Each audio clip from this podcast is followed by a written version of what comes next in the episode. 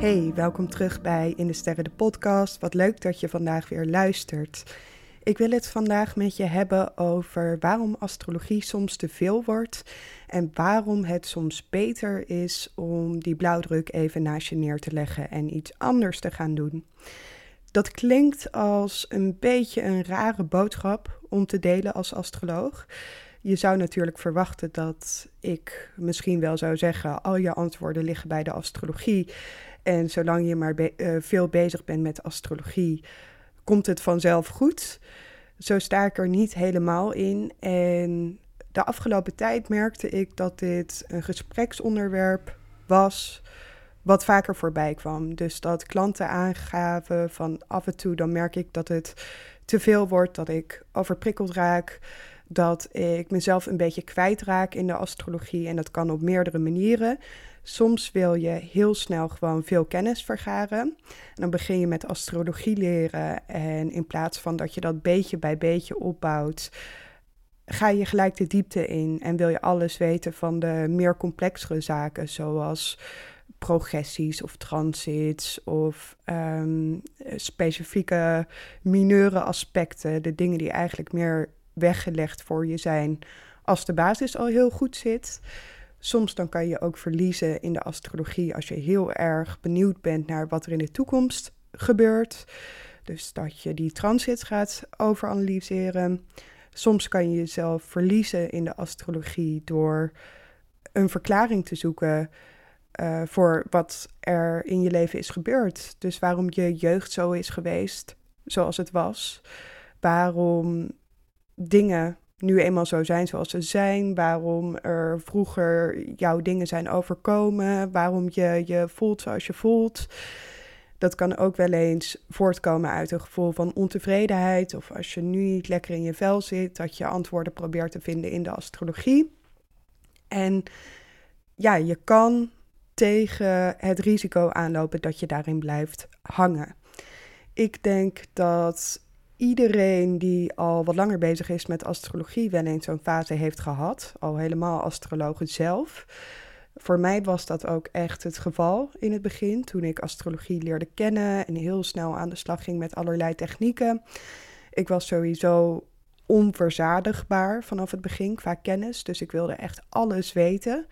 Maar ook dat astrologie zoveel kon verklaren over bepaalde pijn die ik had en bepaalde belemmerende patronen die ik had. Dat gaf me heel veel voldoening of dat gaf gewoonweg heel veel duiding. Maar dan heb je wel het risico dat je daarin blijft hangen of dat je gaat overanalyseren of dat je hoopt dat astrologie een soort van gouden sleutel aanreikt om je probleem weer op te lossen. En dat is juist het ding met astrologie. Astrologie is geweldig als diagnosetool, als het ware.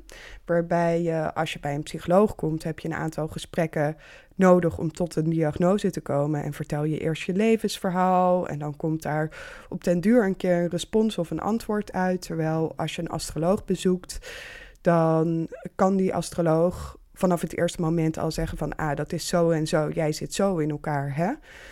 Um, niet dat ik dat altijd heel hard zo doe of niet van mijn gedachten afwijk, maar je bent gewoon heel snel in je analyse van waarom je bent zoals je bent en waarom dingen gebeurd zijn zoals ze zijn gebeurd.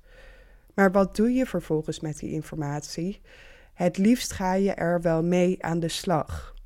En ermee aan de slag gaan, dan bedoel ik ook echt praktisch aan de slag gaan.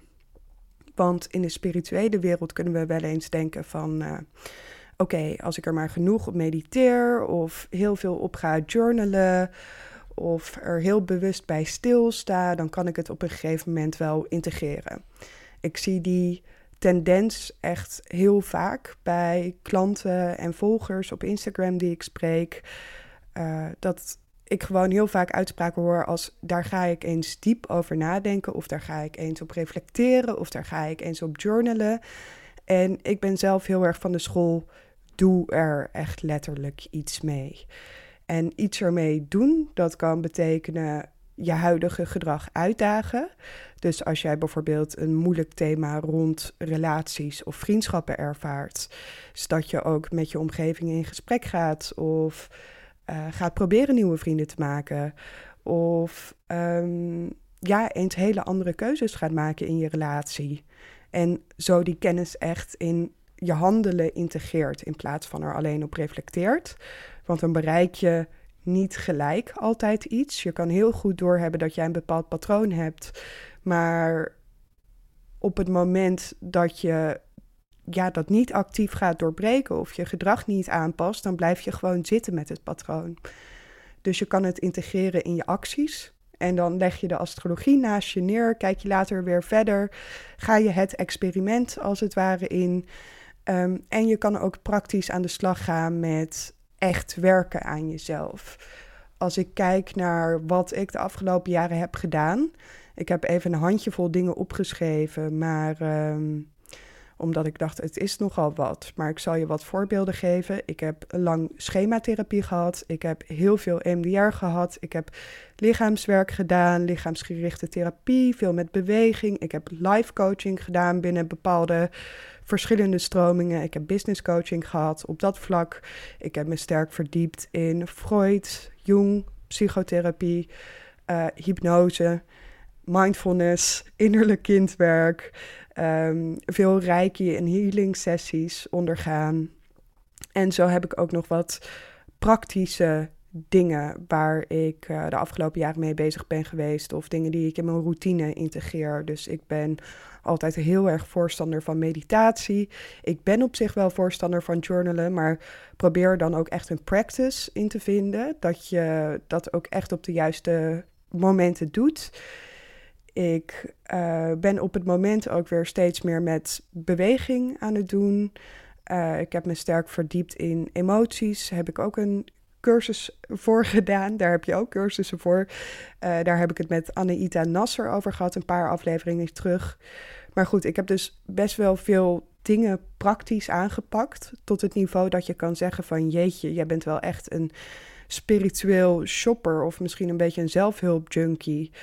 En ja, zo lijkt het misschien ook wel aan de buitenkant. Tegelijkertijd ben ik echt van um, een zenuwpees die heel kritisch en heel negatief in het leven stond. En altijd tegen overspannenheid en depressies en angsten aanliep gegaan. Naar gewoon een persoon dat probeert het leven ten volste te leven. En zich een heel groot deel van de tijd gewoon heel gelukkig voelt gegaan.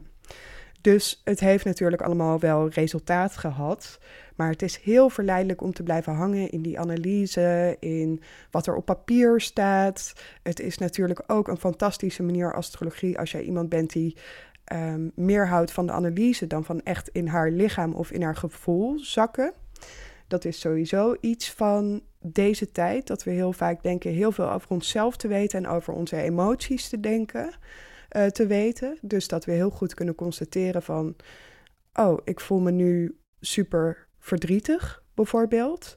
Maar dat we het alsnog lastig vinden om dat gevoel echt te gaan doorvoelen. En soms zeg ik daarbij ook wel eens dat intelligentie of zelfreflectie in de weg kan zitten om dat proces echt aan te gaan. Omdat in deze westerse wereld, waarin we gewoon hebben geleerd heel veel in ons hoofd te zitten en heel veel te analyseren, kan het soms lijken alsof op het moment dat jij jezelf goed doorziet of weet wat je patronen zijn, dat het probleem eigenlijk al opgelost of achter uh, opgelost is of achter je ligt.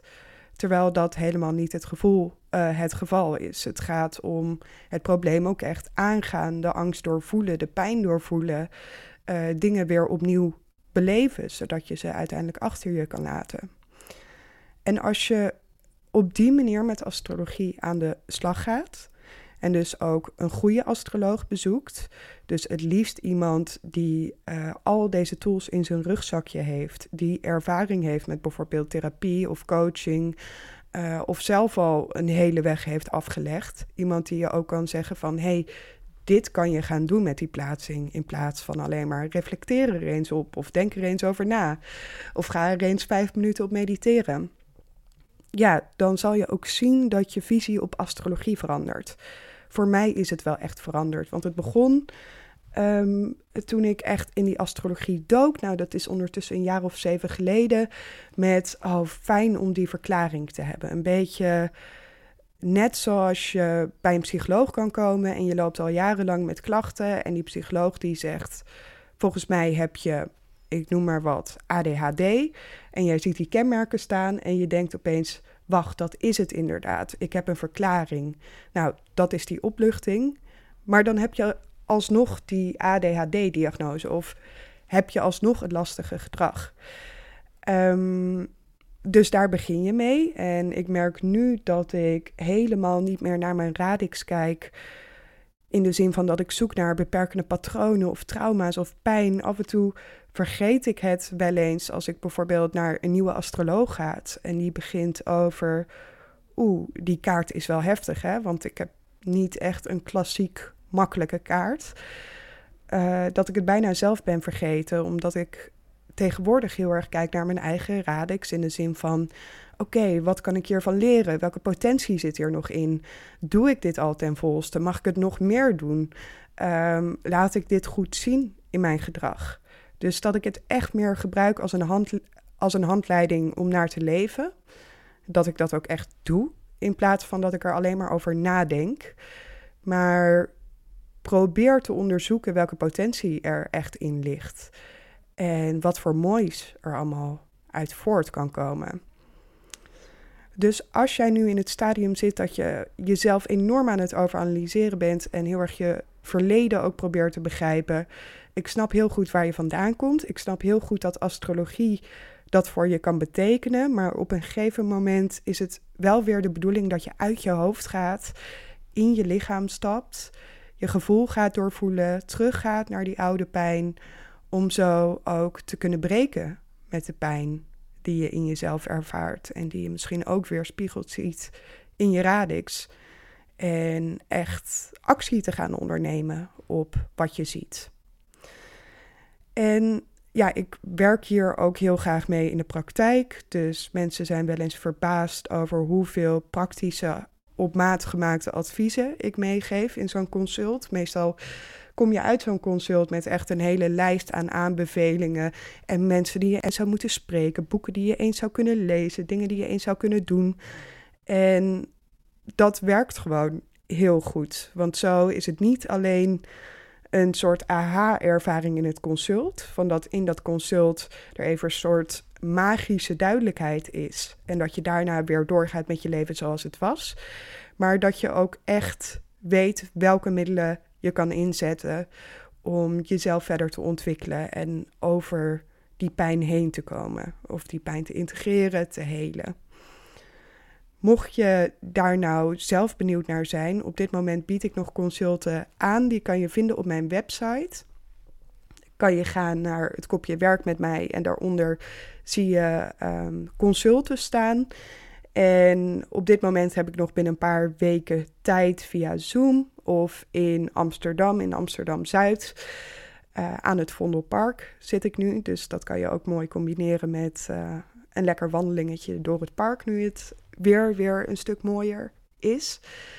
Dus uh, mocht dat je aanspreken, kijk even op mijn website. Je kan me altijd nog een vraag sturen als je twijfelt of benieuwd bent naar specifieke onderwerpen. Uh, doe dat het liefst via DM op Instagram, in de sterren. Kan ook per e-mail, nora.indesterren.nl. En misschien zie ik je dan binnenkort.